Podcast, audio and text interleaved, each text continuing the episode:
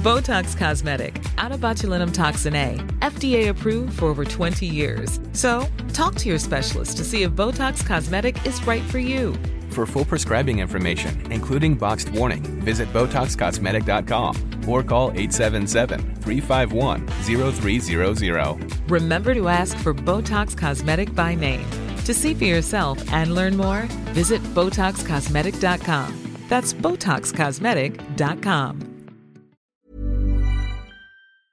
Ik woon in een studentenhuis. Die meiden namen, ook altijd mannen mee naar huis. En ik zat daar maar weer zielig op mijn, alleen op mijn bedje. Nou, nee hoor, ik heb een vriend, dus... eh. Heb je ooit wel eens gedacht, jeetje, had ik maar een vriendje gehad die niet bekend was? Ik denk toch dat ik een soort, wel een soort van muurtje om me heen heb naar de buitenwereld. Er zijn mensen die de acteurschool doen. En ik moet twee keer auditie doen en het lukt me. Dus het voelt misschien ook een deels van dat het een soort van oneerlijk is of zo. We hebben hier geen tijd voor, zegt hij. Dat was mijn allereerste zin. En toen dacht ik, oh nee, ik heb het helemaal verkloot. Eerder als ik echt op stap ben en drank heb gehad, dat ik denk, oh nou ja, dat is wel echt een knappe gast. Ik heb me heel erg alleen gevoeld aan het begin toen ik naar Amsterdam kwam. Ik heb nog steeds mijn angststoornis, s'nachts. Of ik slaap gewoon de hele nacht niet. Ik blijf gewoon wakker de hele nacht. En dan wordt het om zes uur licht of zeven uur. En dan ga ik twee uur slapen totdat mijn eerste afspraak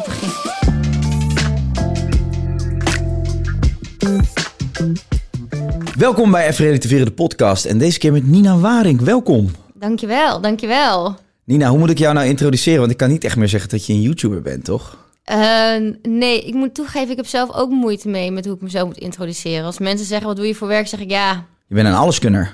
ik doe gewoon wat. Ik doe gewoon mijn ding. Oh jee. Oh jee. De cameraman, zijn wekker gaat. Hij moet naar huis. Hij moet de was uit de wasmachine halen. We gaan gewoon lekker door. Het mag allemaal. Een podcast, daar knippen we niet in. Eh, Nina, ehm, ja, je doet van alles. Maar hetgeen waar je nu eh, het meeste tijd in steekt... en ik wist eigenlijk helemaal niet dat je dat deed... is je kookboek. Mijn kookboek, ja. Ja, maar kan jij zo lekker kokerellen, joh? Nou, ehm, Kelvin eet elke avond wel netjes zijn bord leeg. Dus Ja. eh, hij is mijn referentiekader. of hij heeft gewoon honger. Maar eh, nee, ik vind koken dus gewoon echt heel leuk. En het, ja, de quote van het boek is ook... als ik het kan, kan jij het ook. Het is geen simsalabim. Het is gewoon, wat ga ik vanavond even lekker koken? Ja. En, en zijn dat dan hele makkelijke gerechten? Of... Nou, het eh, boek bestaat uit vier hoofdstukken. Ja. En het is ja een culinaire reis door mijn leven. dus het begint echt, ja. Sorry. Het begint echt eh, bij mijn familie. Er staan ook hele persoonlijke foto's in. Dus eh, dingen die ik vroeger had bij mijn ouders. Ehm, dan een hoofdstuk wat ik had als studenten. Dus dat is ook echt allemaal in Groningen geschoten met mijn studentenvriendinnen. Ehm, het hoofdstuk uitsloven. Dus daar staan iets moeilijkere recepten in. Eh, en dat is een hoofdstuk rondom Kelvin. Want dat maak ik voor hem elke avond. Dus Kelvin krijgt eigenlijk de lekkerste gerechten. Die Kelvin mag totaal niet klagen, nee. Nee. Die mag niet klagen. En het laatste hoofdstuk zijn borrelhapjes. Want ja, ja, je kent me ook wel. Ik hou wel van een borreltje, dus daar hoort wel wat eten Ja. bij, ja. Ja, je bent voor mij toch een beetje de eeuwige student. Ja, zo voel ik me ook nog steeds, ja. Ja, want eigenlijk is het toch grappig. Als je jou volgt op Instagram, dan zie je toch... Ja, dat is altijd het beeld wat je krijgt op Instagram. Als je alleen maar foto's ziet. Een meisje, knap, altijd mooi eh, in de make-up. eh, her en der een bikini-foto. eh. maar ik ken je natuurlijk. En ik weet dat jij, menig man, eruit zuipt in de kroeg. Ik doe mijn best wel eens. En je houdt ook wel van een biertje op zijn tijd. Ja, maar dat komt omdat in Groningen... eh, ja, en als je student bent, heb je gewoon niet zoveel te makken. Nee. En bier was vaak de goedkoopste optie. Want van ja, die wijn kreeg je echt mega erg hoofdpijn.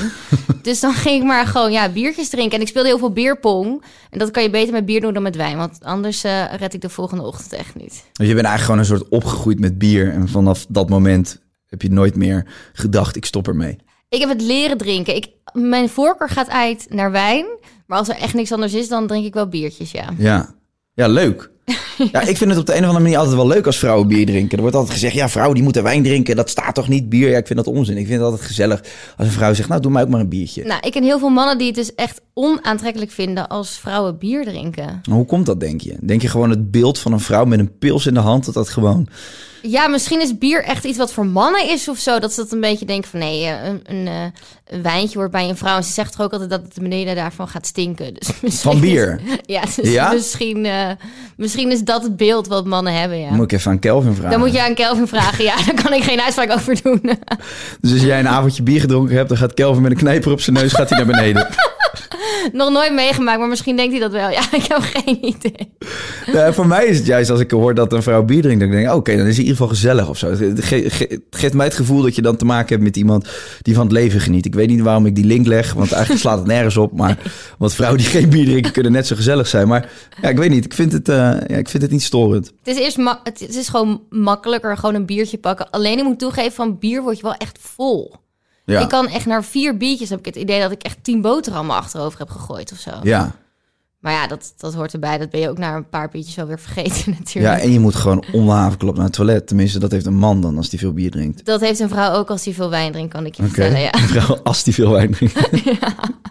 Oké, hey, laten we even gewoon helemaal terugspoelen. Want we gaan dadelijk naar je boek. Eh, dan gaan we ook een beetje chronologisch door die, die hoofdstukken heen. Mhm. Eh, je komt uit Groningen, dat weet in, inmiddels iedereen wel, denk ik. ja. Eh, jij komt uit Groningen, Kelvin komt uit Groningen. Je zijn naar Amsterdam verhuisd, wonen hier inmiddels al een paar jaar. Ehm, maar je hebt daar je studententijd, eigenlijk je grootste, het grootste gedeelte van je studententijd wel doorgebracht in Groningen, toch? Eh, ja, ik heb daar vier jaar lang gestudeerd. En eh Kelvin woonde toen al in Amsterdam, maar ik dacht, ik wil gewoon studeren en ik wil mijn ding doen. En iedereen, ja, al mijn vriendinnen gingen naar Groningen. En eh, dat was wel echt een hele mooie tijd uit mijn leven. Ja, ik mis het nog wel heel veel. Ja, hè? Ja, ja, ja. Want, want toen Kelvin naar Amsterdam verhuisde, toen hadden jullie natuurlijk al wel een relatie. Dus toen heb jij heel lang nog in Groningen gewoond. Ja, ja, we hebben vier jaar lang Groningen-Amsterdam gedaan. Hoe was En- dat? Want dat is wel echt een kleren en het rijden. Ja, nou ja, rijden. Ik had geen auto, hè. Ik moest gewoon netjes met de trein natuurlijk. Dat is nog langer. Dat is best wel lang. Alleen ja, hoe langer je het doet, hoe korter je het idee hebt dat het treinreis wordt. En je raakt er gewoon aan gewend. Maar ik denk, ja, soms zagen we elkaar één keer per drie weken een weekend. En soms één keer per twee weken. En ja, dat, dat was het. Ja, hij deed gewoon zijn ding. Zijn droom was ondernemen in Amsterdam. En ik had die droom niet. Dus ik denk, doe het maar lekker. En dan doe ik mijn ding. En als het werkt, dan werkt het. En als het niet werkt, ja, dan werkt het niet. Ja. Want Kelvin die stortte zich helemaal op de YouTube-wereld, produceren van formats. En jij zat in Groningen gewoon nog ja, lekker in de schoolbanken. Wat studeerde je toen? Klem te zuipen. Klem te zuipen, sigaretten te roken. Ehm, ik heb facilitair management gestudeerd aan het HBO. En eh, ik heb afgelopen jaar pas mijn diploma mogen ontvangen. Want ik heb er wel iets langer over gedaan dan menig student, denk ik. Ja. Eh, maar ik heb het netjes afgerond. Hoe lang heb je erover gedaan in totaal? Eh nou, mijn studie vier jaar en toen mijn scriptie, die heb ik de eerste keer niet gehaald, omdat mijn Nederlands gewoon niet zo goed is. Ik heb gewoon meer spreektaal dan echt Ja. HBO schrijftaal. Herkenbaar. Ja, ik denk, ja, je snapt toch gewoon wat er staat, dus wat is het probleem? Ehm, maar ja, dat vonden ze een probleem. Dus toen heb ik wat langer over gedaan. En toen ik eigenlijk mijn scriptie, daarmee was ik klaar. En toen bleek dat ik ergens nog één verdwaalde punt miste van een, ehm, even, ja, hoe noem je dat? Evaluatie? Ja, evaluatiegesprek van jaar twee. En ehm, ja, dat was moeilijk, want niemand begreep zo goed hoe ik die punt nu nog kon halen. Dus heb ik echt een jaar lang over door gemaild, dingen in moeten leveren. En ja, uiteindelijk heb ik zes jaar lang dan, na zes jaar heb ik mijn diploma. Na zes jaar. Nou, dat valt mee. Dus jij, dan heb je er twee jaar lang over gedaan, toch? Ja, ja, ja. Oké. En ehm, ja, dan heb je nu je studie afgerond, heb je zes jaar over gedaan. Eh, ga jij iets doen met facilitair management? Dat is een hele goede vraag, dat weet ik zelf ook nog niet. Maar ik denk dat ik onbewust heel veel dingen die ik daar heb geleerd, onbewust wel meeneem. Wat dan? Ehm, nou ja, facilitair management is echt mega breed. Je hebt rechten, fin- financieel, eh HRM, je hebt echt van alles. Dus misschien onbewust, maar ja, ik heb eigenlijk geen idee. Ik heb ook een boekhouder, dus financieel doe ik ook zelf niks. maar ik weet wel hoe het werkt. Oké. Ik denk dat het het belangrijkste is. Ja, ja. En ehm, ik ben gespecialiseerd in hospitality. En dat is wel iets wat ik leuk vind. Misschien komt dat terug in mijn kookboek. Ja, Voor mensen koken. Misschien komt dat nu nog terug. Maar ja, dat weet ik ook niet zo goed. je weet het gewoon niet zo goed. Ik heb echt geen idee wat ik aan het doen ben, Kai. Maar dat is ook wel lekker toch, om zo te leven? Want het is Ja. niet dat het slecht met je gaat. Dus op dat, wat dat betreft maakt het eigenlijk helemaal niet uit. Je gaat gewoon een beetje, ja, je go with the flow. ja, ja, zo sta ik wel echt in het leven. Een beetje go with the flow. Ja, want als mensen ook vragen, waar sta je over vijf jaar? Ja, ik heb geen idee. Want als je vijf jaar geleden aan me vroeg... wat ga je over vijf jaar doen? Had ik nooit gezegd, nou, ik ben een eigen ondernemer. Ik heb mijn kookboek uitgebracht. Nee, dan dacht ik, oh, ik werk vast ergens in een hotel of... eh, Ja. I don't know. Maar je bent gek op Groningen. Je hebt daar ook gewoon, eh, je hebt ook tegen Kelvin gezegd, joh, ga jij lekker naar Amsterdam, doe je ding. Eh, jij bent in Groningen gebleven, maar op een gegeven moment is toch dat punt gekomen dat je dacht, ik vertrek ook naar Amsterdam. Ja, want toen hadden wij zes jaar lang een relatie. En toen was het echt, oké, wat gaan we doen? Want Eh, ik moest ook werk zoeken en zo natuurlijk. En ehm, ik dacht van ja, oké, als ik nog langer, als we nog langer zo uit elkaar moeten wonen, dat werkt niet voor mij. Ik bedoel, ik was ook een student. Ik woon in een studentenhuis. Die meiden namen, namen ook altijd mannen mee naar huis. En ik zat daar maar weer zielig op me alleen op mijn bedje. Nou, nee hoor, ik heb een vriend. Dus. Ehm, dus toen was het wel van, oké, wat gaan we doen? Zien we echt toekomst in onze relatie, ja of nee? En toen, nou ja, we zijn nog steeds verliefd. Mhm. Dus toen zeiden we van, oké, ja, we willen dat wel gewoon doen. Maar hij kon niet naar Groningen. En ik kon wel afstuderen. Waarom kon hij niet naar Groningen voor zijn werk? Ja, voor zijn werk. Dus ja, dan moet toch één water bij de wijn doen. En eh, ik kon natuurlijk gewoon afstuderen in Amsterdam. In een hotel heb ik hier afgestudeerd. Dus toen heb ik water bij de wijn gedaan. zei ik, nou, dan ga ik afstuderen in Amsterdam. En eh, ik ben er nooit meer weggegaan. Nee, maar mis je Groningen niet? Ik denk vooral dat ik de mensen heel erg mis. Want eigenlijk al mijn vriendinnen en mijn familie wonen daar. Ehm, en ik ben ook de enige die vertrokken is uit Groningen. Dus ik ben een soort van stadsverraaier, denk ik. Maar ehm, ja, ik denk, ja, ik denk eigenlijk wel dat ik de stad mis. Als ik daar wel binnenkom, denk ik wel... oh, ik ben weer een beetje Thuis. thuis of zo. Maar dat komt ook. Ik heb verder niet echt iets opgebouwd in Amsterdam. Dus ik heb die connectie gewoon niet met de stad, denk ik.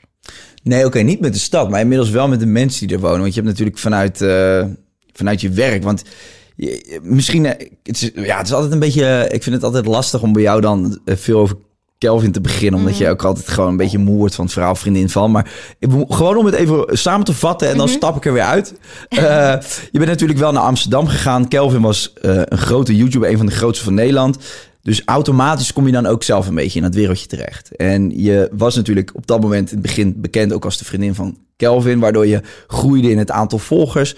Eh, en ineens ben je dan eigenlijk misschien wel onbedoeld ook een influencer. eh, eh, krijg je aanvragen van, hè, wil je niet in dit programma, wil je niet in dat programma? Heb je ooit getwijfeld of dat überhaupt wel iets voor je was? Nou ja, het klopt wel echt wat je zegt. Want ik had gewoon net als iedereen Instagram. En dat groeide automatisch eigenlijk. Ja, Ehm, en toen kreeg ik inderdaad ook aanvragen. En toen was ik bij eh, Danny, die nu ook mijn management doet. Eh, want dat was een vriend van ons. En toen zei ik van ja, wat moet ik daarmee? Ik zei nou, ik durf nog geen 10 euro voor een foto te vragen. nee. Dat ja, vind ik zo ongemakkelijk. Waarom zou je dat doen? En toen zei hij, ja, je bent echt gek. En toen dacht ik, oké, ik heb wel een soort van op zo'n geda- gestaan. Van ga ik dit doen, ja of nee? Maar ik zag bij Kel ook, je kan gewoon alles doen wat jij leuk vindt. Ik bedoel, je kan alles uploaden op YouTube. Sommige binnen de regels natuurlijk. Maar Ja. wat jij leuk vindt. Ehm, en toen dacht ik, ja, waarom niet? Mensen vinden het blijkbaar leuk wat ik, wat ik doe, wat ik laat zien. En ja, ik ben er maar gewoon ingestapt en er eigenlijk nog niet uitgekomen. Maar wa- heb je ooit wel eens gedacht, jeetje, had ik maar een vriendje gehad die niet bekend was? Nou ja, ik ken hem al sinds mijn dertiende. Mhm. Dus eh, ik zie hem niet zo. En toen ik dus nog in Groningen woonde en hij in Amsterdam... had hij al wel eens feestjes of premières. En dan ging ik gewoon mee. Maar ja, dan ging ik een dag mee. En de dag daarna stond ik weer ergens in Groningen. Dus het was een beetje... Ja, ik heb het nooit echt zo gezien. Het is gewoon zijn werk. Nee, maar Ja. omdat zijn werk heeft ook invloed op jouw leven. Want ineens sta jij ook in de schijnwerpers. Het is niet zo dat je tegen hem kan zeggen van... doe jij dit werk en laat mij helemaal anoniem het leven leiden. Je bent ook ineens Nina Waring bekend. Je krijgt volgers, mensen vinden iets van je. Mensen vinden je tof of niet, eh, reageren overal op. Je krijgt aanvragen. Dus, kijk, Kelvin heeft er heel bewust voor gekozen, maar jij natuurlijk niet. Nee, klopt. Ja, ik kon natuurlijk op een moment mijn Instagram privé zetten of zo. Die keuze heb ik natuurlijk altijd gehad. Maar ja, ik dacht, eh, nee, dat heb ik eigenlijk nooit gedaan. Ik denk, ik vind het ook leuk. En als mensen het ook leuk vinden, de dingen die ik deel, ja, waarom zou ik daar dan niet meer mee doen? Ja. Eigenlijk. Ja, en op een gegeven moment ben je ook eh, niet alleen op Instagram dingen gaan doen... maar je bent je eigen YouTube-kanaal begonnen. Je bent formats gaan doen. Vond je dat leuk om te doen? Ja, jij was volgens mij de eerste gast van mijn Ja, allereerste hoe heet jouw programma ook alweer? Draai met Nina. ja, dat was jij de Nina. allereerste gast was jij. Moesten we die ranzige dingen eten? Weet je ja, nog? En maar, ja, dat is wel grappig om te vertellen, want ik vond het, ik was zo zenuwachtig, want ik moest dus gasten gaan vragen voor mijn allereerste format, terwijl ik nog nooit iets op YouTube had geproduceerd. En mensen kenden me natuurlijk als een vriendin van Kelvin, dus ik denk, ja, daar zitten natuurlijk mensen helemaal niet op te wachten. Dus ik zei tegen Kel, ja, ik durf eigenlijk helemaal geen mensen te vragen, want ik had geen voorbeeld. Misschien is het wel een flop, Mm. misschien vinden mensen wel niet leuk. En toen moest ik dus mensen vragen, toen heb ik jou dus ook gevraagd. Dus ik vond het Ja. heel leuk dat je ja zei. Nou, eh, graag gedaan. Ik Ja. vind het leuk dat jij nu jou zegt. Ja, ja, ja, nee, maar dat vond ik echt heel spannend. En dat is heel goed ontvangen toen. Dus eh, ja, dan kom je misschien een beetje in zo'n achtbaan terecht en dan ga je gewoon.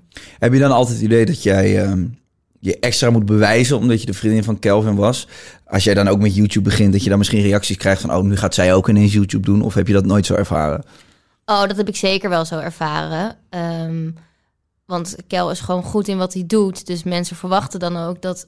nou ja, eh Nien loopt al zo lang mee. eh, ja, bewijs je dan maar. Ja, Ehm, en ik heb natuurlijk ook een opstapje gehad en dat is ook zo. Maar ja, die bewijsdrang heb je wel, maar dat heb ik nu wel gewoon kunnen loslaten. Want ik denk, ja, what you see is what you get. Ja, als je het niet leuk vindt, ja, dan kijk je maar niet. Of dan vind je me maar niet leuk. ja. Ik denk, als je daar elke dag mee bezig moet zijn, dat heb jij denk ik ook. Ja, daar word je echt moe van. Ja. Nee, zeker. Maar in jouw geval is het misschien nog zwaarder of zo. Omdat, omdat je, je begint niet op een nulpunt. Dus mensen hebben al een, een mening over je voordat je begint. Snap je wat ik bedoel? Ja, ja, dat klopt, ja. Dat lijkt me best wel heftig. Omdat je dan denkt van ja, laat mij maar gewoon bewijzen op basis van wat ik kan. En niet op alle vooroordelen die jullie al over mij hebben bijvoorbeeld. Ja, Zowel positief als negatief, hè? Ja, klopt. Nee, ja, ik heb wel een bewijsdrang een beetje gehad. Ik wou ook gewoon wel echt dat het, dat het gewoon echt heel goed ging. Want ja, anders is het zo van, nou, ze probeert het ook, maar dit is het. En dan denk ik, ja, als dat wel gebeurde, dan heb ik het wel geprobeerd. En Ja. dan, ik heb mijn studie nog gewoon, dan ga ik wel ergens in een hotel werken. Vind ik ook prima. Ik ben niet iemand die zegt, oh, dat zou ik nooit willen doen. Ik vind het eigenlijk allemaal wel prima. Maar zou dat nu nog kunnen dan? Want je bent natuurlijk wel bekend geworden. Als je nu in een hotel gaat werken, is dat, is dat, zou dat gek zijn? Nou, voor mij niet. Ik denk, ja, ik ehm, ben afgestudeerd in de housekeeping. Ja, dat klinkt heel chic, maar ik was gewoon in de schoonmaak ben ik afgestudeerd. Als manager dan wel hoor. Maar ehm, ik heb ook gewoon vier weken lang daar eh, eerst kamers moeten schoonmaken. Ja, lekker boeien, dat moet ook gebeuren. Dus Ja. ik zou dat echt totaal niet erg vinden. Maar wat ik wel zou willen is misschien mijn eigen horecazaak. Dat, zou Ja. wel, dat is wel echt een Ja, maar dan sta je zelf achter de bar zeker. Dat wordt gevaarlijk bij jou, Nina. Ik weet niet of er winst wordt gedraaid als ik daar achter de bar sta. Er wordt veel getapt, maar je verdient er niks op. nee, het wordt heel gezellig wel. Dat je dan thuis komt, ja, bizar, weer vier vaten leeg. Echt niet normaal. Maar ja, Niet normaal. wel zelf opgezopen. Ja, klopt. Nee, ja, dat is wel echt een droom voor mij. Maar stel je voor dat alles wat je nu doet zou mislukken. Eh, Zou, dan zou jij dus heel makkelijk kunnen zeggen... nou, dan is dit het niet geweest. Dan ga ik gewoon weer eh, in, hospitality in de hospitality branche werken. Ja, Dat zou je niet erg vinden. nee, zou ik niet erg vinden, nee. Oké. Nee, nee, heb ik niet echt. Zeg ik nu natuurlijk, dat is makkelijk om te zeggen. Misschien jank ik dan wel een heel jaar lang. Maar nee, zover ik mezelf kan bedenken, dan nee, zou ik dat niet heel erg vinden. En dat is niet omdat ik wat ik nu doe niet leuk vind. Maar ik denk, ja, als ik mezelf zo druk op ga leggen dat het alleen maar goed moet gaan. Ik heb altijd geleerd, het moet leuk blijven. Dus als ik dit op een duur niet meer leuk vind, ja, dan moet ik iets gaan doen wat ik ook leuk vind. Ja. Dus dan zou ik dat gaan doen. Want ik vind in een hotel werken en een gastvrijheid of een restaurant vind ik echt heel leuk om te doen. Het lijkt me ook wel een relaxed gevoel. Als je dat hebt. Want dan maakt het eigenlijk niet zoveel uit wat er gebeurt. Als je weet dat je dat altijd achter de hand hebt. En dat Nee. ook leuk vindt. Ja, dan kan je alles ook gewoon ja, bekijken van dag tot dag. Als het een succes wordt, dan is het leuk, mooi meegenomen. Maar ik heb altijd iets achter de hand. Ja, dat is waar. Alleen als ik wel aan een project begin, dan weet ik wel dat het goed gaat. Dus nu met mijn kookboek heb ik niet zoiets van, nou oké, als dat niet werkt. Ik wil wel weten, oké, ik begin aan dit project, dus dan moet dit project wel goed gaan. Ja, En stel dat het project ging heel goed en daarna denk ik, nou, ik weet niet meer wat ik moet doen. En ik moet dan in de hotellerie werken. Ja, dat zou ik niet erg vinden. nee. Oké. Je hebt eigenlijk je bereik een beetje omgezet eh, ja, in een tool om te gaan ondernemen, toch? Je, hebt je, je bent eigenlijk niet zozeer meer bezig met YouTube-formatjes, maar je hebt... eh, heb je nou je eigen bikinilijn? Ja, toch? Ja, wel in samenwerking met een merk. Ehm, dat is wel een klein merk. En ik was ook de eerste en de enige met wie ze dat doen. Ja. En dat was ook een droom van mij. En dat is ook uitgekomen. En volgend jaar komt weer mijn, eh, mijn, nieuwe, ja, mijn nieuwe lijn met hun. Ja, maar hoe tof is dat? Ja, echt heel leuk. En dit jaar dacht ik ook van, nou weet je, het wordt de tweede keer, dus het moet groter. Ik wil dat steeds meer dingen echt, moet echt Nina blijven. Dus daarom heb ik twee vriendinnen gevraagd, Isadé en Amier, eh, of ze mee willen, willen gaan naar het buitenland om te shooten, ehm, om te laten zien, nou, iedereen kan het dragen, want ja, ik kan het wel aan hebben, maar er zijn vast genoeg mensen die zich niet bij mij kunnen identificeren. Dus ik heb vriendinnen meegenomen en eh, ik vind het belangrijk dat ik mijn werk wel echt lekker met mijn vrienden kan delen. Dat is wel top. Dan maak je er gewoon een soort vriendinnenuitje van. Ja. Dan ben je ook nog aan het werk. Precies. En dan heb je daarna dus nu recentelijk bedacht... ik sta heel de dag aardappelen te schillen in de keuken voor Kelvin... maar daar kan ik ook wat mee. Ja, Kookboek. En eh, hoe gaat het heten ook alweer? mijn tweede liefde. Oh ja, mijn tweede, nee, nee, mijn tweede liefde. Ja. Nee, maar je zei net toch... als ik het kan, kunnen jullie Nee, dat is de ook? quote van Oh, dat is de quote, oké. Staat er, de- eronder staat hij er. Mijn tweede liefde. Ja. Als ik het kan, kunnen jullie het ook. Precies, dat is het. Ja, lachen zeg. Ik wist dat helemaal niet, dat jij daar... eh, Ja, nou, ehm, ik kom dus echt... Mijn opa en oma hadden een hotel in het dorp waar ik vandaan kom. En mijn vader is vroeger chefkok geweest, totdat hij was afgekeurd. En mijn, eh, mijn andere oom heeft een restaurant in Portugal. Dus ik ben best wel in de horeca... Ja, ik heb wel horeca bloed. En dat vind ik dus ook heel leuk. En toen dacht ik van ja, waarom zou ik dat niet de- delen met andere mensen? En ehm, je krijgt dus ook echt een kijkje in mijn privéleven. Want ik heb het boek niet alleen gemaakt, maar echt met mijn familie en al mijn vrienden. Dus er staan ook recepten in van mijn vrienden, van mijn moeder, de stampel die ze altijd maakte. Dus ja, of verkoopt het boek niet. Ik heb gewoon een boek van goud voor mezelf. Ja. Dan weet ik niet hoeveel je er moet voorbestellen. Maar al, ik zeg wat, misschien zijn het er 5000. Dan zet je ze gewoon thuis in de woonkamer. Maak je er gewoon een bank van. Precies, ja. En al die foto's pak ik dan op. Nee, het is voor iedereen leuk. Maar ik denk dat het extra leuk is dat je een keer de mensen ziet die niet altijd... Het zijn mensen die je niet op mijn Instagram bijvoorbeeld ziet. Maar altijd Mhm. mensen die altijd achter me staan. Ik bedoel, jij hebt vast ook vrienden uit Rotterdam. Nee, ik heb helemaal geen vrienden. Nee, dat is ook waar. Stomme inschattingsfout dit. Maar als jij vrienden zou hebben Ja. in Rotterdam... eh, dan heb je vast ook een paar die, die niet op de voorgrond staan... of die niet op social media hoeven. Maar Zeker. daarom is het extra leuk om ze een keer echt te bedanken... en ze op een mooie manier een soort van te eren of zo, denk ik. Ja. Maar als ik zo naar je luister, je staat overal wel redelijk onbevangen in of zo. Ja, het moet ook wel, denk ik, hoor. Anders maak je het zelf wel heel moeilijk. Ja, maar wel lekker ook. Ja. Maar je zegt dan van ja, ook al verkoop ik ze niet, ja, dan heb ik alsnog een goud pareltje. Maar je bent ook, eh, als je aan een project begint, wil je ook dat het goed gaat. Dus dat is een beetje wel tegenstrijdig dan. ja, toch? misschien financieel gezien zou het fijn zijn... dat al het geld dat ik heb ingestopt, dat ik het er wel uit kan halen. Ja, Ehm, en tuurlijk zou ik balen, ehm, want ik wil wel die bevestiging dat andere mensen het leuk vinden. Mhm. Maar ik weet van mezelf dat dit project, dat ik het zelf zo geweldig vind en het hele proces. En dat ik heb er ook ontiegelijk veel van geleerd. Dus ja, ik spreek mezelf een beetje tegen. Maar ik denk uiteindelijk dat ehm, misschien meer de druk van de mensen met wie ik het boek heb gemaakt, dus een fotograaf of een art director of wat, whatever, dat ik denk van oké, het is wel leuk om aan hun te zien dat ik het goed kan verkopen. Mhm. Alleen voor mezelf ben ik al zo blij met het eindresultaat. Dat, ja. Nou, dat is mooi. Ik heb net een paar eh voorproefjes gezien. Ja. Toch? Dat was, dat was Ja. het boek, toch? Ja, dat was het boek. Het zag er ja. super tof uit. Meen ik serieus, die foto's. Ja, echt, echt de beste fotograaf ever heeft het. de Wie was het dan? Anne Timmer. Oké. En zij doet ook de Vogue. Dus zij heeft, ik dacht, ja, als ik zoiets doe, dan wil ik wel gewoon het goed doen. Ja, cool. En eh, zij heeft de lifestyle fotografie gedaan, dus met mijn vri- vrienden en familie. Maar het was zo leuk, want ja, mijn moeder is nog nooit opgemaakt door een visagist of gesteld door een stylist. En die werd verteld hoe ze moest poseren en zo. Nou, dat was echt, Je lachen zeg. ja, het is echt, echt prachtig. Maar hoe is het voor al die, voor al die mensen, je familie en, eh, en je vriendinnen uit Groningen... waar je tot eh, drie jaar geleden mee nog op een studentenkamer zat. Hoe is het, hoe is het voor hun dan dat je nu ja, eh, Nina Waring bent, bekend? Je, bent nog steeds, je was toen ook al Nina Waring, maar dat je bekend bent en hiermee bezig bent. Hoe, hoe was dat voor hun? Nou, zij zien me nog wel gewoon als... Ja, als Nina Waring, dan ben ik sowieso het raar wat je zegt. Maar eh, zij houden me wel echt altijd gewoon met beide voeten op de, op de grond. Ze zien het gewoon als werk. Ja, En ehm, zoals met dat boek, ja, dan zijn ze echt super trots. Het is zo lief om te lezen. Sorry, ik moet boeren van thee ik ben thee aan het drinken. nou, dat zal wel van de pils van gisteravond zijn, toch?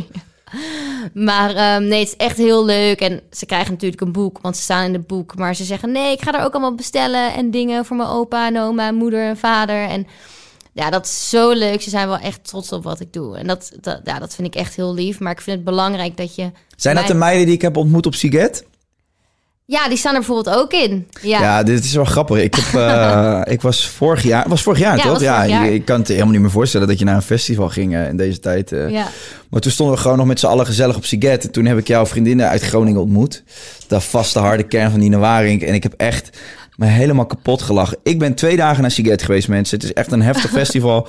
En ja, ik ben ook een beetje een oude lul aan het worden misschien. Maar ik was net twee dagen echt helemaal kapot. Ehm, En jij sliep in een hotel. ja, wij sliepen in een hotel. maar deze meiden, dus Nina Warik met nog vier vriendinnen, die sliepen dus op de camping. En dat was dan zogenaamd de luxe camping. Nou, het was gewoon een... eh, het leek een schuur die jullie zelf in elkaar hadden getimmerd. Dat was echt verschrikkelijk. En je lagen dicht op elkaar. Het was gewoon alsof er een, ja, een vuilnisbak was ontploft daar midden in die kamer. Ik heb even twee seconden gekeken. Ik vond het eh, knap dat jullie het daar vijf dagen hebben uitgehouden. Acht dagen. Maar acht dagen zelfs. Ja, en daarna was ik toen met jou op Lowlands. En daarna, ik denk dat wij twee, drie dagen in Nederland waren. En toen zijn we naar Lowlands De gegaan, volgende toch? dag ben ik naar, want ik ben nog, ik ben echt tot het allerlaatste gebleven op Siget. Ja, en- dat is echt niet normaal. En En- toen de volgende dag ben ik naar Lowlands gegaan, maar dat was ik lichamelijk. Maar mijn geest was echt heel ergens anders, kan ik je vertellen hoor. Maar het is ongelooflijk hoe lang jullie daar hebben doorgetrokken. Jullie hebben ook gewoon geen dag overgeslagen. Jullie hebben echt elke dag gefeest daar. Ja, en nu gaan mensen denken dat ik volledig aan de drugs zit, maar ik doe geen drugs. Nee, dat dus dat ik. was het niet. Dat kan ik bevestigen. Nee, maar wel gewoon een hoop drankjes gedaan. Maar ik, Ja. ik, ik was gewoon zo verbaasd over dat jullie nog op jullie benen stonden, joh. Ja, dat, dat leer ik van hun misschien wel een beetje. Gewoon doorgaan en niet stoppen. Dit is geen goed voorbeeld. Maar eh, ja, ik denk, ja, je bent er nu toch? Ik bedoel, uiteindelijk, ik ben nu vet blij dat ik daar acht dagen ben geweest en Ja. alles daar heb gegeven. Want dit jaar kunnen we helemaal niks. Nee. Dus ik ben alleen maar blij. En dus ja, zo leef ik een beetje. Je moet er toch een beetje alles uithalen. Ik vond het echt geweldig. Was echt de geweldigste week van mijn leven, denk ik. Ja, en toen kwam ze gewoon een dag terug en toen stond ze op Lowlands. Toen had je helemaal geen stem meer over. Oh nee, dat was Hey Kai, we gaan naar de mainstage. Ga je mee? Oh, dat is echt verschrikkelijk. Ik vond het echt verschrikkelijk. Ja, maar wel grappig. Ja, ja. Zouden veel mensen dat van jou weten, dat jij zo'n zo'n feestbeest bent? Mensen die jou volgen? Ik denk wel dat mensen weten dat ik niet vies ben van alcoholische drankjes. Ehm, maar misschien hebben mensen bij mij een idee dat ik in de club sta op mijn hakjes en mijn dingetjes. Ja. Terwijl dat is echt niet zo. Hebben mensen vooroordelen over jou? Botox Cosmetic, out of botulinum toxin A, FDA approved for over 20 years. So, talk to your specialist to see if Botox Cosmetic is right for you. For full prescribing information, including boxed warning, visit BotoxCosmetic.com or call 877-351-0300. Remember to ask for Botox Cosmetic by name. To see for yourself and learn more, visit BotoxCosmetic.com. That's BotoxCosmetic.com. Dat denk ik wel. Ik kan nu niet zo snel iets opnoemen, maar ja, mensen hebben vast vooroordelen over mij die niet kloppen. Maar ja, ik vind dat ook helemaal niet erg, want ik denk, ja, als je iemand niet kent, is logisch dat je een vooroordeel hebt. Alleen, ik, zodra mijn vrienden, dus mijn vaste base, zouden zeggen van, hey Nien, de laatste tijd doe je een beetje uit de hoogte of hey Nien, de laatste tijd heb je deze en deze actie gedaan, Hm, is dat wel verstandig? Dan zou ik me er echt wat van aantrekken. Ja. Want zij kennen me echt. Maar heb je wel eens iets wat je vaak over jezelf terug hoort? en Dat je denkt, hè? ik snap helemaal niet waarom dat beeld van mij er is. Mm, nou, de meeste di- dingen snap ik, snap ik dan. Ja, het is een momentopname, toch? Bijvoorbeeld dat ik heel arrogant ben. Maar ja, dan zie ik een video van mezelf terug. denk ik, oh ja, dat is misschien ook niet heel goed hoe ik hierop sta. Ja, dat, waar, waar, ja. Men- mensen vinden jou arrogant. Ja, ik kan, wel, ik kan wel oprecht bevestigen dat je dat niet bent. maar ik kan me ook wel voorstellen Ja. dat mensen het wel denken. Misschien door, je hebt wel een bepaalde blik of zo. Of een bepaalde... Nee, maar dat is heel raar. Ik Kan, dat is misschien niet Ja, leuk ja. om te horen of zo. Nee, want nee, ik ja, weet, ik ik kan, weet het. je bent een hartstikke leuke lieve meid. Maar ik denk als mensen jou alleen kennen van, van fragmenten of zo... dat dat beeld wel kan ontstaan. Ja, ja waar, zou, waar zit het in dat? Is dat je blik of is dat... Misschien is het mijn blik. Kijk ik heel boos? Nee. Ja, dat is ook niet zo, want je lacht ook wel veel. Nou, misschien is het... Ik denk toch dat ik een soort, wel een soort van muurtje om me heen heb naar de buitenwereld. Ja, En dat je toch een- in een soort van zelfbescherming gaat zitten of zo. oké. Ehm, dus dat je niet dat ik heel anders mezelf anders voordoe, maar dat ik me toch onbewust een soort van I don't care eh, blik heb. Ik weet het Zo niet. van, weet- daar hou je alles een beetje mee op afstand van. Ik ben Ja. toch niet te raken, dus laat mij maar met rust of zo. Ja, precies. En ehm, nou ja, ik kan ook wel eens grof zijn achter de schermen. Ik bedoel, ik vloep er ook wel wat uit. Ik, ik zeg vooral wat ik denk. En dat is misschien niet altijd verstandig. Ja, je bent direct. Ja, maar dat, ja, dat komt gewoon omdat mijn vriendinnen in Groningen en mijn ouders zijn precies zo. Die zijn gewoon direct, gewoon niet lullen. Maar ja, als je ergens mee zit. Ik bedoel, wij zitten ook in een wereld dat ieder elkaar maar leuk moet vinden. En eh, het is allemaal één grote familie. Maar ja, het is onmogelijk om iedereen leuk te vinden of met iedereen vrienden te zijn. Nee, En misschien spreek ik mezelf daar iets meer over uit dan andere mensen. ja. je weet wel wat je aan je hebt. Je bent of blij of je bent chagrijnig. je, kan niet zo goed, je kan niet zo goed toneel spelen. Nee, het is dus echt you see is what you get. Ja. Maar als je, als je een soort van schild om jezelf heen creëert, heeft dat ook met onzekerheid te maken? Ben je ook over bepaalde dingen onzeker? Nou, ik denk dat elk mens wel onzeker is, toch? Ik bedoel altijd van Zeker. ja, helemaal in de wereld waarin wij zitten, er zijn voor mij honderdduizend anderen. En er zijn ook honderdduizend andere mensen die dit willen wat wij, wij doen. Dat is gewoon zo. Heb je het bedoel- gevoel dat je je plekje altijd moet beschermen of zo? Nou, misschien wel een beetje. Ja, dat denk ik wel, ja. Mm, wat zijn van die momenten dat je denkt van... oeh, nu word ik gewoon beetje onzeker. Is dat als je iemand anders uit het vak iets ziet doen waarvan je denkt... oeh, dat had ik ook kunnen doen? Of misschien dat je jezelf dan oplegt van dat had ik moeten doen. Ik loop niet hard genoeg, dat soort dingen? Of Nou, ik denk dat ik best wel tevreden mag zijn met waar ik nu sta in zo'n korte tijd. Ehm, maar dit is dan een ander voorbeeld. Maar toen was ik juist niet de arrogante Nina, maar echt de, de kat uit de boom kijken. Want ik heb dus voor het eerst een bioscoopfilm gespeeld afgelopen Ja. zomer. Nou, ik was zo zenuwachtig. Ja. Ik vond het verschrikkelijk. Ik reed in de auto en eh, naar de eerste opnamedag en ik bel met Twan en ik zeg, ik ga dit niet doen. Ik ga Nee. nu omdraaien. Ik ga het gewoon echt niet doen. Ik vond het zo verschrikkelijk. Twan is van je management? Ja, Twan is van mijn management, ja. En, ehm, want ik speelde toen met eh, Jim Bakken en Jolante Cabau. Dus gewoon echt goede mensen en die weten wat ze doen. En normaal zit je best wel gewoon in je comfortzone, toch? En nu werd ik er echt volledig uitgetrokken. Dacht ik, oh, en we moeten ze wel niet van me denken. Oh, er komt zo'n weten. Welke influencer. film was het? Just Say Yes, die komt in Oh, ja. januari in de bioscoop. En had je een grote rol? Ehm, nou, ik had een bijrol. Ik sta wel op de filmposter, dus dat vind ik Mhm. leuk.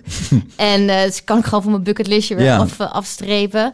Maar toen was ik ook niet helemaal mezelf. Want toen dacht ik, oh, ik moet mezelf echt beschermen. Want nee, nee, nee, wat, oh, ik vind het echt verschrikkelijk. En dan creëer je een soort muur om jezelf. Ja, en dit is dan, werd ik niet heel arrogant, maar juist, ik zei helemaal niks op die dagen. Dus ik dacht, oh, als ze me ooit op een rapparty tegenkomen, denken ze, huh, is dat niet waar? maar, eh, ja. Kruipend over de grond. Als een naaksloop. Ja. Yeah, Jolante, Jimmy pakt hem.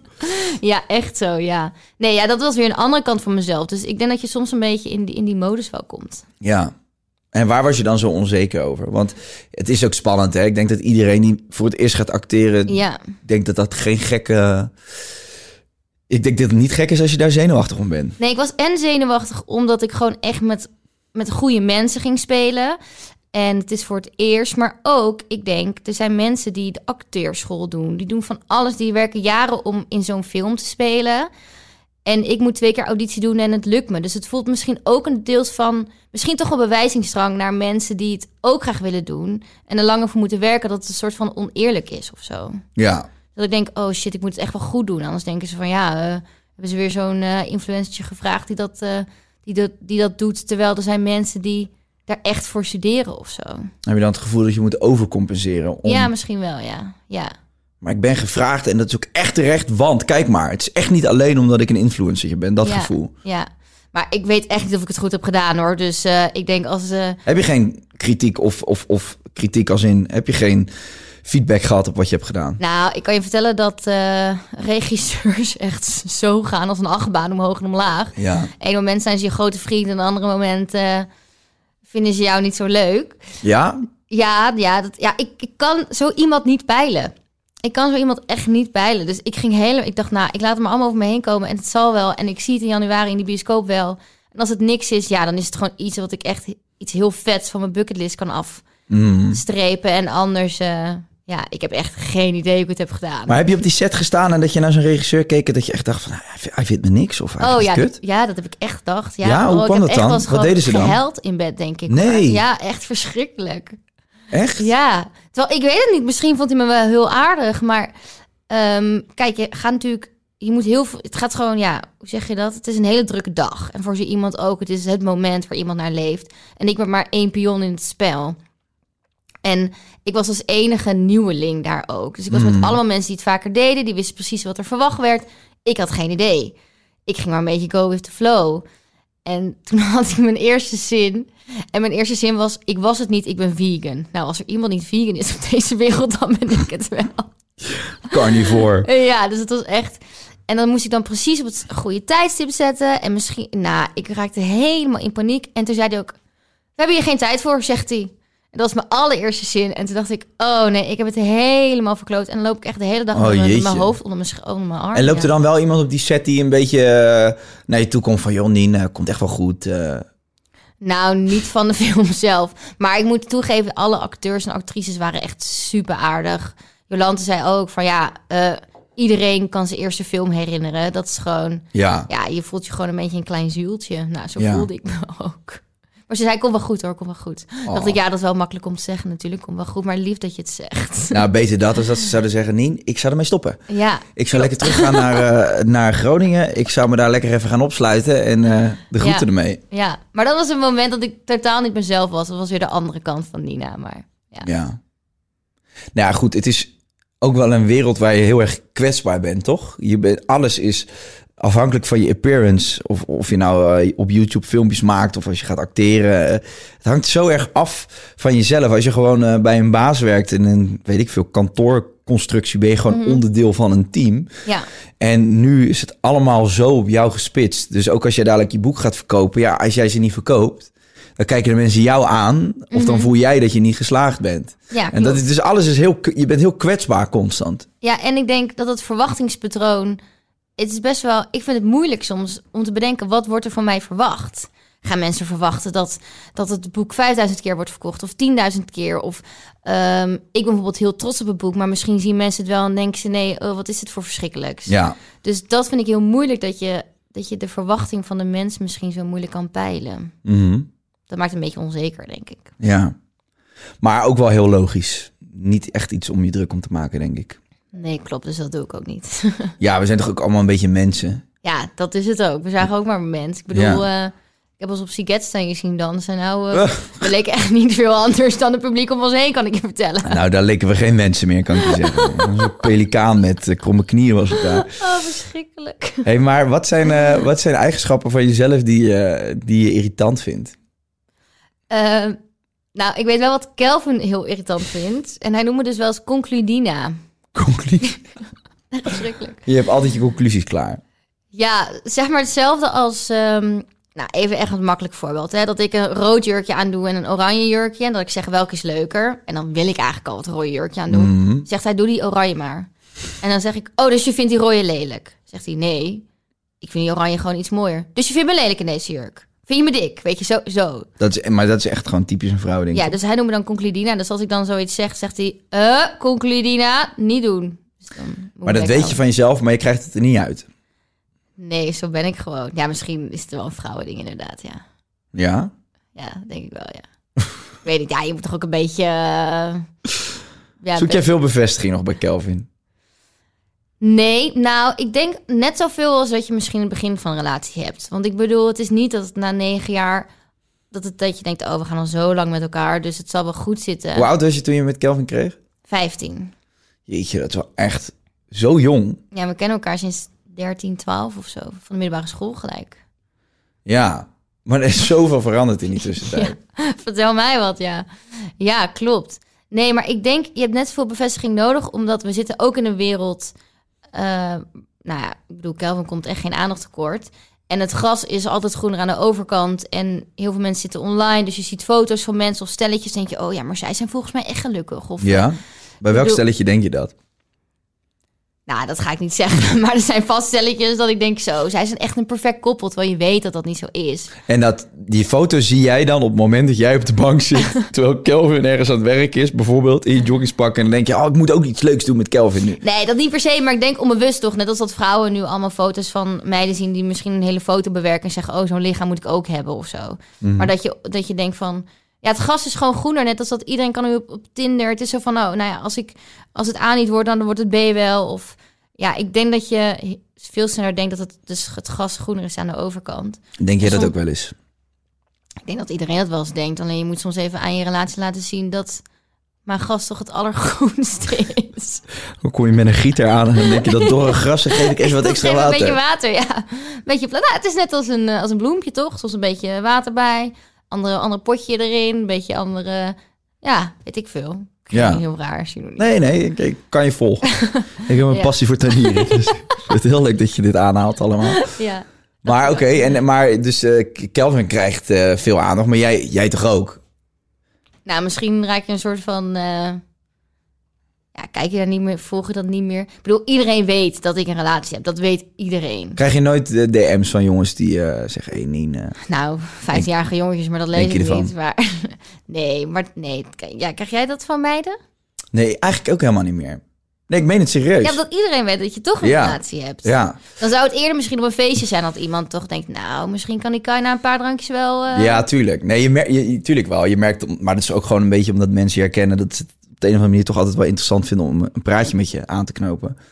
Maar ik had wel, toen, toen ik vrijgezel was, dan dat was, eh, vond ik het wel leuk om af en toe door mijn DM's te bladeren. Maar dat, eh, die tijd is, eh, is voorbij. Ja. Nee, ik denk wel dat veel mensen dat, ja, je hebt gewoon een relatie, dus het zou een beetje raar zijn als ze dat doen. Maar ehm, heb je nooit, ben je gevoelig voor aandacht? Ehm, nou, ik denk dat elke vrouw op een bepaald moment, als je net even in een dipje zit in je relatie, dat je er wel gevoelig voor bent. Ik bedoel, ja, ik ben ook niet van steen of zo, ik ben ook maar een mens. Mhm. Ehm, maar tot zover heb ik eh, nooit het idee gehad dat het groener is aan de overkant. Nee. Nou, je hebt wel eens een dipje dat je denkt van, hm, oké, ik vind die aandacht nu net iets interessanter dan, eh, dan normaal gesproken. Ja, Maar maar, dan ik, maar ik zit me echt te bedenken wanneer het de laatste keer was. Misschien dan eerder als ik echt op stap ben en drank heb gehad, dat ik denk, oh, nou ja, dat is wel echt een knappe gast. Eh, als ik vrijgezel was, dan eh, was ik met hem mee naar huis gegaan. Maar ja, dan denk ik, ja, ben ik niet, dus dat gaat niet door. Nee, precies. Maar ja, dat, dat is het. Maar niet dat ik app of zo met een, met een guy of DM of zo. Nee, Nee. nee, dat, nee, dat, is- dat, dat is, nee. Maar jij en Kelvin zijn wel open naar elkaar toe. Jullie bes- bespreken wel veel. Jullie hebben niet, volgens mij niet de geheimen voor elkaar. Het zou heel Zover raar zijn als je nu zou zeggen, ja, het is ook best wel apart om dit te zeggen. Nee, maar ik ken jullie allebei natuurlijk een beetje. En ik weet wel dat jullie kunnen daar ook wel over praten. Als jij bijvoorbeeld chance zou hebben met een jongen, dan zou je dat wel tegen Kelvin kunnen zeggen, toch? Ja, ja, want ik denk, ja, na negen jaar, ik bedoel wat we zeggen, wij zijn ook niet van steen. En we zijn al zo lang samen. En dan heb je ook je vrienden om je heen die dan in zo'n vrijgezellenleven zitten. En dat je dan verhalen hoort. En tuurlijk ben je nieuwsgierig. Dus ik denk, ja, als je ooit behoefte krijgt aan een andere vrouw of ik aan een andere man, ja, zeg het dan tegen elkaar. Want je kan er maar beter open met elkaar over zijn dan dat je het achter elkaars rug om gaat doen of zo. Stel je voor dat hij dat zou zeggen. Hij zegt, Nien, het ligt echt niet aan jou, maar ik heb gewoon wel interesse in een andere vrouw. We zijn nu tien jaar bij elkaar. Ehm, zou jij dan gelijk eh, zeggen van, nou, dan is het uit? Of zou jij eh, hem de kans geven om dat uit te zoeken? Ja, nou, kijk, als je echt denkt dat hij verliefd op een andere chick kan worden, nou, dan ga ik me, ik ga niet in zo'n driehoeksverhouding Nee, zitten hoor. snap ik. Het moet eerder zijn dat hij denkt van, nou, eh, ik deel nu al tien jaar lang met jou het bed. Wel eens nieuwsgierig het met iemand anders is of zo. Gewoon om even één avondje gewoon. Ja, maar als hij echt over gevoelens gaat, nee, dat, in zo'n eh, situatie ga ik me echt niet bekeren hoor. Daar heb ik echt geen zin in. Maar, dus stel je voor dat hij dat zou zeggen, dan zou jij... Je zou daarover kunnen praten. Ja, precies. Ik ga niet gelijk een vrij plezier van, nou, veel plezier vanavond. Maar ik denk wel dat je erover kan praten. Ja, ja, ja, dat denk ik wel, ja. Ja, is dat dan... Maar als hij dit hoort, moet hij niet denken dat hij vanavond gelijk dit, dit onderwerp deze- kan aansnijden hoor. Deze vraag heeft hij ingestuurd. ik kreeg net een appje van hem. Stel even die vraag. Nee, maar ik denk, is het, is het eh, onoverkomelijk om dit soort gesprekken te voeren als je vanaf je 15 al bij elkaar bent? Na een jaar of 19? Er zijn vast mensen die, die wat ik zeg daar totaal niet mee eens zijn. Maar ja, voor iedereen werkt wat anders, hè. Dat, ja... En ik weet ook niet, misschien als we dat ooit een keer doen, dat het een fiasco wordt. Maar als je vriend daar ooit een keer behoefte aan krijgt... ehm, en je zegt nee, nee, het mag niet... en het gebeurt dan tien keer achter je rug om... denk ik, ja, dan kan je het kan hij het maar beter één keer doen... dat je het weet dan dat hij tien keer achter je rug om doet. Ja. Ja, misschien klink je echt als een naïef mens, maar dat kan ook. Nou, maar je mag er gewoon zeggen wat je denkt en voelt. Ja. Dus ja, daar hoeft toch geen waardeoordeel aan te hangen. Ik bedoel, ja, iedereen mag dat toch voor zich. Je hebt, je hebt, je hebt, ja, je hebt, je kan of extreem streng zijn naar elkaar. Ja. Dus je naar iemand kijkt dat je al ruzie hebt. Precies. Je hebt aan de andere kant weer mensen die hebben een open relatie. Ja, Ja, nee, dat, nee. nee, dat, dat, dat, dat zou echt helemaal niks voor mij zijn. Nee, ja, nee, dat, nee, voor mij ook niet. Het Nee. lijkt me heel apart. Maar de andere kant, dat, dat elkaar helemaal vastketen en zo, dat lijkt me ook niet gezond. Nee, dat lijkt me ook niet gezond. En misschien voor een paar jaar, maar ik, misschien zijn er mensen die dat wel lukt hoor. Maar ja, inderdaad, als je al niet een beetje kan flirten met iemand. Ik bedoel, natuurlijk als ik op stap ga, flirt je wel met iemand. Maar ja, je weet gewoon je grens, toch? Ja, Ehm, wat dus is ja, de grens dan? Niet zoenen, niet met iemand mee naar huis gaan. Ik zou, maar ik zou ik, fl- flirten, weet je. Ik bedoel, ja, we zijn ook allemaal een beetje mens. En Precies. flirten geeft je ook het gevoel dat je leeft. Hè? Ik bedoel, het is ook gewoon... Net als dat je naar iemand glimlacht of zo. Dat is gewoon fijn... eh, Daar krijg je een fijn gevoel van, toch? Ja. Maar ik zou eh, een nummertje wisselen of zo... zou ik ook al wel tricky vinden, hoor. Met, Nee, nee, dat heb ik ook nog nooit gedaan. met iemand waarvan ik denk, ja, en dan? Wat ga je dan doen? Ga je appen en dan? Ja, want dan denk ik dus, als je inderdaad echt je nummer gaat uitzetten, denk ik, oké, jij, als, als Kel dat zou doen met een chick, dan zou ik wel denken, oké, ja, maar jij vindt haar echt interessant. Ja, precies. Dan zou ik ook jij zou dan ja, elke dag met haar kunnen appen. Dat zou ik ook niet chill vinden Ja. of zo. Laat ze erop. hè? Ja, dan is het hoeft voor mij niet hoor, nee. Ja. hey, maar eh, als jullie zo lang bij elkaar zijn, kan ik me ook voorstellen. Je wonen nu samen, jullie hebben een koophuis. Allemaal super volwassen dingen. ja. En dan eh, is toch de vraag natuurlijk ook die je vaak krijgt. Worden er al eh, gesprekken gevoerd over kinderen? Gezinsuitbreiding? Nou, die worden wel gevoerd. Ehm, want als het allemaal kan, dan zou ik echt ontzettend graag moeder willen worden. En Ja. Kel wil ook echt heel graag vader worden. Dus we weten zeker van, ja, van elkaar allebei wat de verwachtingen wel zijn. Ehm, en we moeten natuurlijk kijken of het kan en zo hoor. Maar eh, dat is wel echt een wens van ons. is wel echt een gezin. Dus dat willen we sowieso. Maar ik wil eerst trouwen. Dus eh, eigenlijk ligt het lot in zijn handen. Hij komt hier straks toch? Dus vraag het gelijk ik, even lang Ik zal duurt. straks eens even aan hem vragen of hij precies kan vertellen hoe hij dat gaat doen. Moet je, heb je nog dingen? Wat, wat zou je graag willen? Hoe zie je verloving het liefst voor Nou, je? eh, Nee, dat vind ik echt, dat mag je nooit zeggen. Ik vind het, Nee, natuurlijk niet. Nee, maar je hebt vrouwen die dat doen, hè? Te gewoon zeggen tegen een man van... ik wil dat je mij zo en zo vraagt. Dat vind ik zo asociaal. De, de on- Nee. Maar dan ontneem je toch de man helemaal dat moment. Ik, dat, dat is toch, dat is toch heel gemeen eigenlijk? Nee, dat maakt me echt niks uit. Maakt me echt geen bal uit. Nee, echt niet. Als je me maar vraagt. Maar Oh, hij is het- creatief zat, toch? Ja, maar ik denk misschien heeft hij een soort van... eh, want hij krijgt natuurlijk heel vaak online die vraag. Wanneer ga je niet net een huwelijk vragen? Ja. En dan Dus kom ik nu ook misschien weer. voelt hij zo druk... dat hij denkt, het kan, het kan nooit. Maar al doet hij het met z'n tweeën in een hotelkamer... of... eh ik hoef echt geen flos, fle- hoe noem je dat? Flos? flashmob. Flo- flashmob. Flosmop. Flosmap. Doe echt een flosmap. Nee, boeit me echt helemaal niks. Nee, maakt me niet uit. Nee? Nee, dat maakt me niet uit. Maar ik wil, ik vind, ik wil gewoon zo'n trouwfeest. Ja. Echt, ja, ik ben wedding planner ook geweest. Dus ik weet precies zo van A tot Z. Dat weet ik al wel. Ja. Hoe dat er allemaal uit moet Nou, neem ons eens mee. Nee, dan moet je uitgenodigd worden, Kai. Hm, Oké. nou ja, wellicht. Ik zal straks eens een Kelvin vragen. Dat is ook iets, maar weer, jij gaat wel, jij gaat, hij, hij vraagt jou ten huwelijk en jij gaat de uitnodiging versturen. Ik denk dat dat iets is wat jij gaat doen. Hij hoeft maar vier, nee, vijf mensen of ze... ehm, nee, wat zei hij? Hij heeft vier beste vrienden. Paul, Quinte, Jart en Peter. Hij wil zijn ouders en zijn broer en dat is het. Hij hoeft verder helemaal niemand. Echt, ik zou echt een dik trouwfeest willen. Nou, hoor. dat ga ik dus ook echt zeker wel doen. Ja, ik zou echt veel mensen uitnodigen. Ja, als je toch in zo'n dag heel veel geld gaat besteden... dan kan je het in één keer maar goed aanpakken, toch? Zeker. En ik zou ook niet in, eh, ik zou ook niet in Nederland willen trouwen. Nou, dat ik misschien wel. Ja, jij gaat natuurlijk weer in zo'n schuur ergens in Groningen trouwen. Die oude studentenhuis. Zou wel vet zijn. Nee, maar ik vind dat je mensen niet kan verplichten om eh, bijvoorbeeld zelf vliegtickets en zo te kopen en hotelovernachtingen. En kijk, als het heel goed met de zaken gaat. Maar ja, maar jij bent toch een influencer? Je kan toch met Transavia of KLM of ik noem ze even allemaal. EasyJet, eh Ryanair. Kan je toch een deal maken dat je gewoon een vliegtuig huurt Nee, dat ga ik echt niet doen. voor een paar stories? Schrikkelijk dit. Nee, echt niet. Nee, nee, nee. maar je ja, weet ik veel. Misschien denk ik over, eh, over twee jaar wel... eh, nou, we gaan het wel met in het buitenland doen met die mensen. Maar ja, waarschijnlijk niet. Ik weet het niet. Nee, kijk, dat, dat is natuurlijk wel waar wat je zegt. Als je het in het buitenland doet, dan, dan, dan zit je wel vast aan... eh, of tenminste zit je vast, dan moet je rekening houden met... dat je mensen niet kunt verplichten om naar het buitenland te komen. Maar dan zou, ik, dan zou de groep misschien wel wat kleiner worden... maar dan echt je beste vrienden, Hmm. familie. Dat zou wel, ik zou heel graag ergens wel in Italië of Spanje of zo... een mooi Niet huis. in Ibiza. Mm, maar misschien. Ik- ben ooit een keer in Florence geweest. Ah. Toen ben ik met zo'n klein eh, oud Fiat 500 helemaal zo door Florence en Toscane en zo gereden. En daar heb je allemaal van die wijnhuizen op van die heuvels. Ja, en toen zag ik dat en dacht ik, ja, maar als je hier met al je vrienden bent, Ja, wij zijn daar helemaal mooi geweest aangekleed. toen met de bruiloft van Masha en Gregor. Die Was in daar? Florence daar. daar. Ja, dat was prachtig. Ja, toch? Dat was echt het mooiste wat ik ooit heb gezien. Het was echt verschrikkelijk mooi. Ja. Echt verschrikkelijk mooi. Dus toen had ik wel zoiets van, maar... Ja, ik bedoel, ik moet eerst ooit gevraagd worden hoor. Dus ik kan wel blijven dromen. Maar het heeft toch geen zin. Nee, nou ja, maar, je, ja, maar ja, goed. Veel mensen vinden het leuk om hierover na te denken, toch? Ja, ik heb er misschien al te vaak over nagedacht. Ja? ja. Je moet het loslaten. Dat heb ik ook gedaan. En ik Want begin er ook niet meer over. Ja, ik begin er ook niet meer over tegen hem. Want eh, dan komt het vaak toch, zeggen ze. Dus eh, ik hou wijselijk mijn mond. Ja. Hoe is het... ehm, hoe is het... eh, Jullie zijn eigenlijk vanaf het begin af aan... hebben jullie altijd een soort van heel erg je eigen leven gehad. Hoe was dat moment dat jullie gingen samenwonen? Want jij hebt altijd gewoon je leventje in Groningen gehad. Dan bel je met elkaar. Zie je elkaar in het weekend. En dat is altijd leuk, want je spreekt een soort van met elkaar af. Nou, het was best wel moeilijk. Ik heb me heel erg alleen gevoeld aan het begin toen ik naar Amsterdam kwam. Want eh Kel had zijn ondernemingsleven, zijn drukke leven, zijn sociale leven hier al. Al zijn vrienden wonen hier. Ehm, en ik had geen vrienden hier. Ik was met mijn scriptie bezig. Nou, dat is het meest ubersaai in je leven wat je ooit moet doen.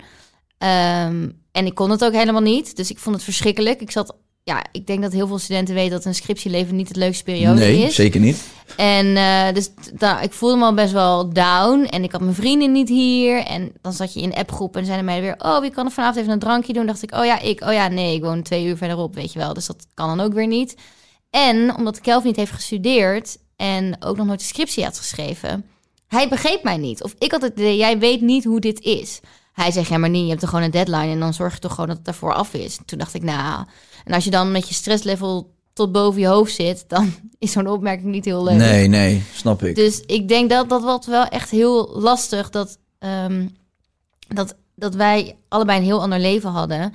En ik mijn vrienden niet had. Dus toen heb ik mijn katten gekregen. Dus dat waren mijn eerste vrienden in Amsterdam. echt triest dit.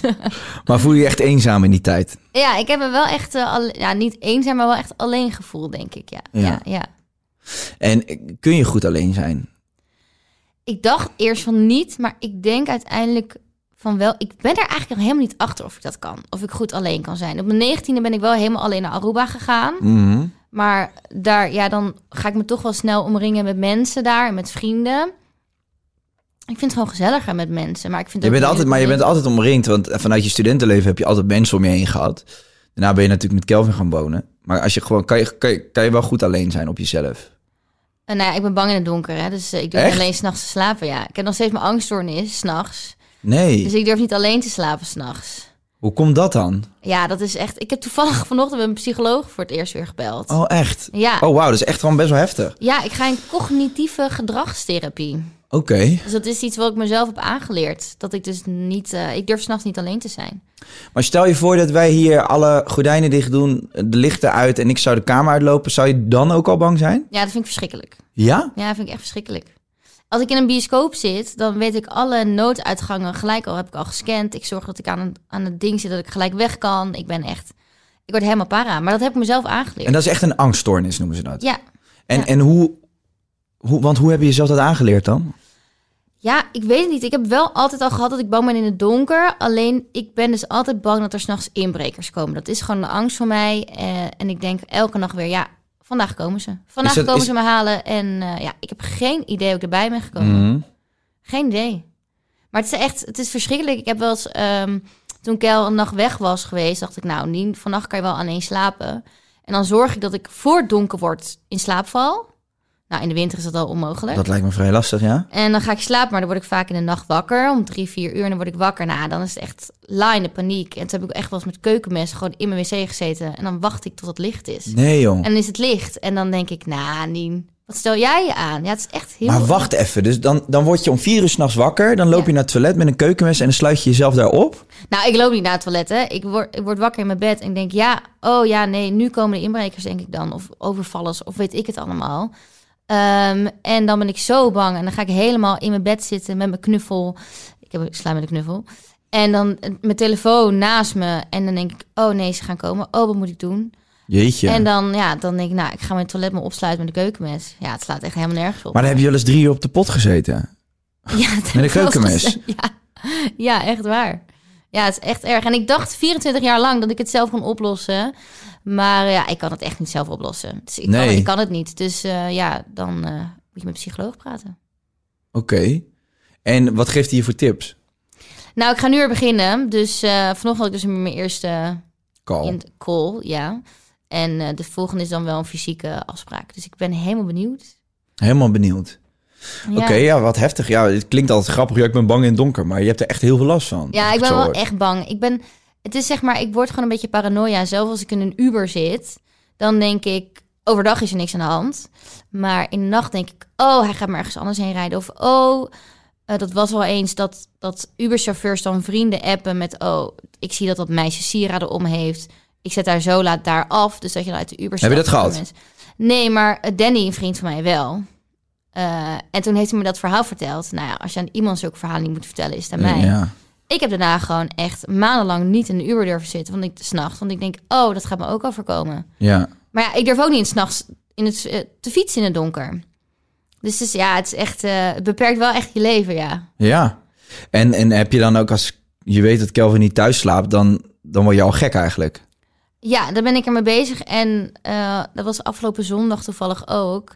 En dan zit ik er echt een hele week lang tegen aan te hikken. Want hij was met jou weg. Voor mensen op de boerderij. Ja, tuurlijk. Dus toen heeft hij, heeft hij in, wat was het? Goesbeek? Goes? Ja, in Zeeland. Ja, ver weg. Ja, Heeft hij daar van tevoren al geslapen? Want we hadden op maandag opnames. ja, En dan, ja. dan ben je dus eigenlijk gewoon helemaal eh, al een week, week- lang ja. in de rats. Zit ik een week lang eh, er tegen aan te hikken. En toen op zaterdag zei hij Nien... Ga alsjeblieft een vriendin bellen die bij je slaapt. Dus heb ik eh Sophie Milsink gevraagd. Dat is Ja. mijn buurvrouw toevallig. En eh, zij heeft ook psychologie gestudeerd. En zij zei, Nien, je moet hier nu echt mee aan de slag gaan. Dus Ja. toen heb ik weer op haar aanraden... weer met mijn huisarts en de psycholoog en de dingen Oké. gebeld, ja. Maar Ja. zodra er iemand bij me is, heb ik nergens last van. Als ik Nee. niet alleen ben. Dus overdag kan ik heel goed alleen zijn, maar in de nacht Nee. niet. Het is gewoon een soort weerstand tegen alles wat... Als het donker wordt, word je gewoon angstig. Ja, en je, het, is, ja, het zit gewoon echt tussen mijn oren, want je maakt jezelf helemaal gek, terwijl je weet dat er niks is. En dan zeggen mensen ook, ja, maar er is toch nooit wat gebeurd? Denk ik, ja, maar stel je maar voor, die volgende nacht, dan gaat het gebeuren. En heb je ook slaapproblemen? Als in, vind je het moeilijk om überhaupt in slaap te komen dan? Nee, in slaap komen kan ik wel. Ik heb wel dat nachtmerrieprobleem nog steeds. En dat werkt natuurlijk ook niet helemaal mee. Dat als je alleen thuis bent en je hebt zitten nachtmerries en het is Dus donker. je, hebt- je hebt veel last van nachtmerries ook. Ja, ja, dat nog steeds. Dat heb ik altijd al gehad. Dus, Maar ehm, heb, je, heb je een nachtmerrie die steeds terugkomt? Nee, het is echt van alles. Ik heb echt van alles in mijn leven al meegemaakt, heb ik het idee. Terwijl, ja, er is nooit echt iets gebeurd bij mij. Er zit niet echt een patroon in die dromen. Nee, ja, ik moet altijd vluchten of ik ga dood of eh, weet ik het allemaal. Dus Hmm. eh, ja, ik heb echt letterlijk ook wel gezocht wat dromen betekenen en Ja. dat soort dingen. Maar ja, het is, het is echt eh, verschrikkelijk. Is er niks in je jeugd gebeurd? Nee. Nee. Nou, niet zover ik weet, nee. Totaal nee, maar je hebt nooit, nooit inbrekers gehad thuis of moeten vluchten voor iets. Of de angst dat er iets, misschien een keer een film gezien of zo, die eh, gewoon heel veel impact op je heeft gemaakt op jonge leeftijd. Nou, misschien dat, onbewust. Is, hij, is, ja, is wel ooit ingebroken bij mijn ouders, maar toen was ik echt nog een baby. Dus daar weet ik niks van af. En dat was ook niet heel erg, of niemand was wakker geworden. En in mijn studentenhuis is toen eh, wel ingebroken, maar toen was ik op vakantie. Alleen mijn Mhm. huisgenootje was wel thuis, dus dat was wel naar. Eh, en mijn broer is een keer de inbreker in zijn eigen studentenhuis tegengekomen. Dus misschien is het een opstapeling van alles. Ja. En we zitten natuurlijk ook wel in een wereld dat je onder de loep ligt. Dus als je hoort van collega's dat er wel dingen gebeuren, Mhm. dan denk je ja, wij zijn de volgende, denk ik dan. En ik denk alles bij elkaar. Ik heb geen idee. Ik heb geen idee. Dus we gaan erachter komen wat het is. Ja, ik hoop dat je, dat je er echt wat aan hebt en dat je daar vanaf komt. Dat lijkt me wel echt lastig. Ja, ja. Ja, ja gek. Ik zit te denken. Ik heb, eh, ja, ik heb het enige wat ik, ik heb met, met de nacht wel gewoon. eh, ik ervaar altijd een druk dat ik dan moet slapen. En die druk van het moeten slapen Oh ja. zorgt er dus voor dat ik niet kan slapen. Dus ik heb ook wel, ik heb een beetje haat-liefde verhouding met de nacht. Want enerzijds eh, ben ik graag s'nachts weg en op pad en Ja. feestjes en zo. Maar als ik thuis ben op een doordeweekse dag en het wordt s'avonds, het wordt donker, dan, dan, dan heb ik het gevoel van, oké, ik moet nu uit gaan staan. En dat zorgt voor een soort van rare druk of zo. ja een soort van, maar dan ga je ook een soort van weerstand opbouwen. Want je Ja. denkt, ik moet slapen, ik moet slapen. Maar dat werkt niet. Nee. Dus dat heb ik al wel gehad. Ik heb dus thera- of therapie gehad hoe ik in slaap kan vallen. Dus dat... Ik heb ademhalingsoefeningen en weet ik Ja. dat ik allemaal doe. Ik heb een heel slaapritueel voordat ik ga slapen. Dus ik val wel in slaap. Ehm, dat kan ik heel goed aanraden. En er is nu ook een soort van mannetje Welke doe je dan? Welke Nou, ademhalingsoefeningen? Ja, deze is wel makkelijk. Dan moet je dus één seconde inademen, één seconde uit. Twee seconden in, twee seconden uit. Dan ga Maar je hoe tel je dat dan? Want als ik dus zeg even, stel je voor drie seconden in. Hoe moet je dan tellen zo? Ja, in je hoofd tellen. Dan tel je gewoon in je hoofd. Dus dan ga je één seconde inademen, één seconde uit. En dan twee tot de vijf. En dan begin je weer bij één. En dan val je dus best wel snel in slaap. Oké. Dat werkt bij mij. Maar dat is echt een van de 20.000 dingen die ik doe. Ja, maar wel, dat is wel fijn, dat je in ieder geval in slaap valt. Dat je niet al in dat bed ligt en dat dan al dat hele proces begint van... Oh nou, nee. behalve als het donker is hoor. Want dan kom ik echt niet toe aan mijn ademhalingsoefening, kan ik je vertellen. Maar ga jij dan om zeven uur in bed liggen nu in de winter? Ja, ik zorg altijd dat er bij iemand bij me slaapt. Of ik slaap gewoon de hele nacht niet.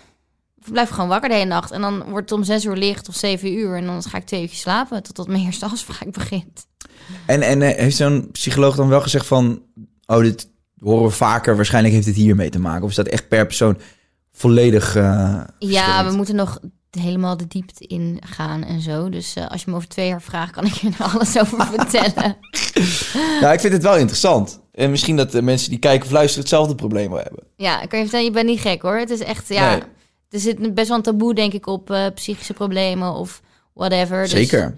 nou ja, ik kan je vertellen, ik ben ook niet eh, helemaal, helemaal... eh, Helemaal in orde. ik heb ook aan mij zo mijn problemen, dus... Nee joh, maar dat heeft iedereen toch. Maar het is juist goed als dingen bespreekbaar worden. En ja, ik denk dat er heel veel... Ik, ik weet echt, echt wel veel mensen moeite hebben met de nacht. Voor verschillende redenen. Ja, terwijl jij weet ook, ik hou echt wel van feestjes in de nacht. Maar dan heb ik mensen om me heen. Dus Ja, precies. Dan, erg. dan is de nacht niet alleen. Dan, voelt hij niet, dan ben je niet eenzaam, bang, alleen. Dan ben je omringd door mensen en dan heb je afleiding. Ja, ik weet niet. Maar zodra er iemand bij me is, heb ik nergens last van. Nee, Dus op de vraag, kan ik goed alleen zijn? Niet in de nacht. niet in de nacht. Nee. Oh, dus die Sophie Milsing, die slaapt nu iedere, iedere keer als Kelvin ergens naartoe moet bij jou. Ja, we sleep over. Moet je niet gewoon een hond nemen? Gewoon zo'n grote boel mastief. Ik heb toch twee katten. Ja, nou ja. Als je gewoon een Ga jij hem uitlaten dan? Oh, dan moet je hem s'nachts uitlaten. dat is nog enger. S'avonds in het donker. Nou, mij niet gezien hoor. Nee, dat is helemaal een ramp. Ja. Nee, maar ik dacht misschien een hond. Kijk, kijk, twee katten die gaan niet zoveel doen. Nee. Maar een grote hond schikt over het algemeen wel af. Nou ja, nee. Ik heb... eh, nee. Ik moet, ik moet het gewoon echt oplossen bij mezelf. Neem een hele agressieve cavia. Die kan je ook al. ik denk echt dat die... Ja, dat, kun je trainen. ik denk dat dat werkt. Ja, joh. Ik kan ook gewoon van die stickers om me raam plakken, toch? Dat er allemaal herdershonden zijn in huis. ik bedoel, ja. Ja, pas op, mijnenveld. Liggen mijnen onder de deurmat. Ik denk dat het werkt. Ja. Nou ja, Nien, ik zou zeggen heel veel succes daarmee. Dankjewel. Eh, we zitten op een uur. En ehm, ik zou wel nog eventjes eh, lekker een uitsmijtertje doen voor je kookboek.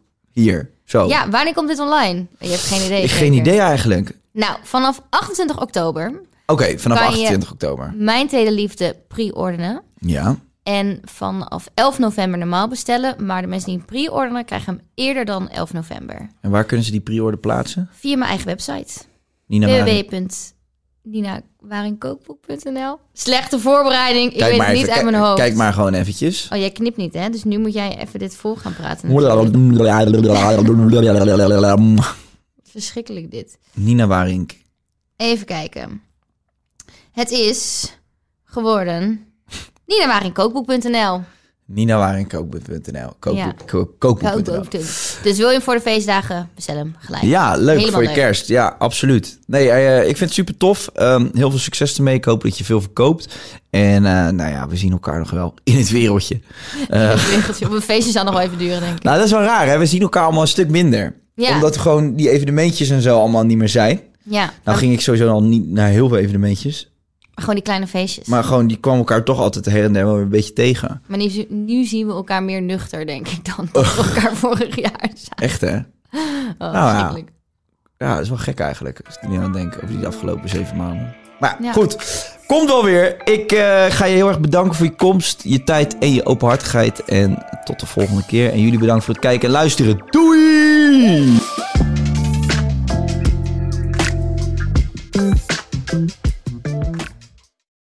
Dit is vervelend. We hebben nog 30 seconden advertentieruimte beschikbaar, maar jouw merk zit er niet in.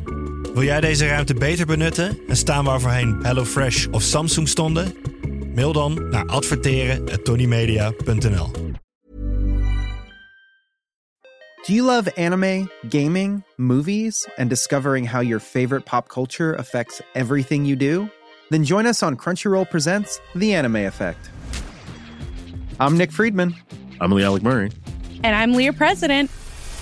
Every week, you can listen in while we break down the latest pop culture news and dish on what new releases we can't get enough of. Whether you love movies, I'm going to tell you all about the uh, hopeful 4K re release of Tron Legacy that happens.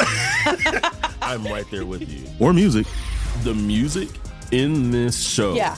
is absolutely incredible. Or anime. And under this mask is another mask. You can discover your new favorites right here on The Anime Effect. Listen every Friday wherever you get your podcasts and watch full video episodes on Crunchyroll or on the Crunchyroll YouTube channel. Botox Cosmetic, out of botulinum toxin A, FDA approved for over 20 years. So, talk to your specialist to see if Botox Cosmetic is right for you. For full prescribing information, including boxed warning, visit BotoxCosmetic.com or call 877-351-0300. Remember to ask for Botox Cosmetic by name. To see for yourself and learn more, visit BotoxCosmetic.com. That's BotoxCosmetic.com.